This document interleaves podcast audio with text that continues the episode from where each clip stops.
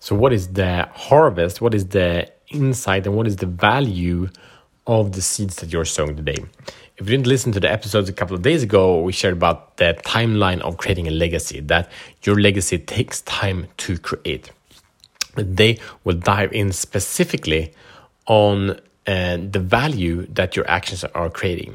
This is a conversation that's quite often uh, discussed in the business world, but very rarely in the world of health, in the world of relationships, and so on and so forth. But we need to have it in all. So, welcome to Show the Fuck Up podcast. My name is Matt Fyron, and this show is for men that are ready to free themselves from the prison of playing small and unleash their inner greatness. Let's do it. Um, so, what we are starting out with here is that what we see is what we, you get. That's one saying. But also, if you any kind of habit, strategy, or action that you're doing today, are you actually clear of what that will lead to? Um, I just caught myself like, no, shit, now I'm checking these things instead of processing. That's not what I want to do, and that leads me to a, a addictive behavior. I don't want to do that. So, but what what I'm triggering an old negative pattern. Uh, so I'm practicing my neurons to trigger in a certain way. So what would be the long-term costs of being in that? And that's freaking painful. That's like freaking expensive because it makes pulls me out of being a creator uh, and and into being a consumer. And being a consumer, I will believe lies of others. Anyway, they're not my truths. But in the aspect of lifetime value, what what are I had this beautiful conversation with, with Joe. Maybe you heard it just listen to that speaking about self uh, love or being good enough and, and the Christian cultural imprint on us, uh, what it means to be good enough, and actually why it's impossible to feel good enough because of the culture we live in. But but just as that we spoke about shifting the stories and how these stories can become different just by by turning a little bit, changing one rule, and the whole experience become different, and we shift from from self judgment to self appreciation and, and in that tapping into power.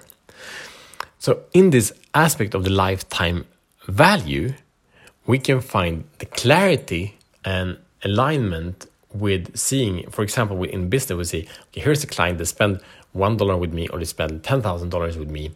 What will they be worth over time? How often will they come back and buy, and for what amount? And is there like this value ladder? Will they buy more and more and more and more? And that comes to the same thing with health and energy.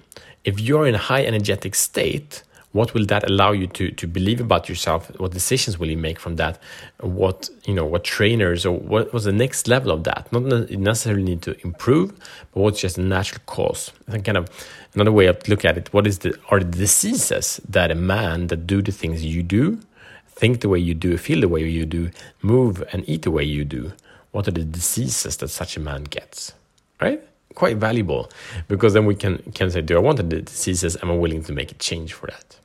Right. So this is that harvest the real time long term costs. And then we have the of course on the on the other side with the lifetime values like what it, what the idea there is okay here is a, I get a client and it costs me hundred dollars and they spend me fifty dollars so it is a loss loss of fifty dollars but within a month they actually spend another five hundred so it's all by a sudden a, a profit of uh, of $400. I think I made the math right. So, so the return of the investment is actually really quick, but it's not as quick as we want to. A lot of people want it much, much faster. So we kind of become the, the victims of that fastness because the, if you go onto the phone, if you watch Netflix, you get rewarded straight away. But with the things that matter, you don't. Um, all right. So, so your mission, should you choose to accept it, is to check in what are things that you are longing to have a quick reward for and therefore you're not patient enough to do what you know you should do and second step is to really expand what will these small seeds that you're sowing lead to in the long term bam that's it uh, and if you want support by this i recommend you download life master planner to create your day to harvest your day and be stronger day by day. See you tomorrow as better men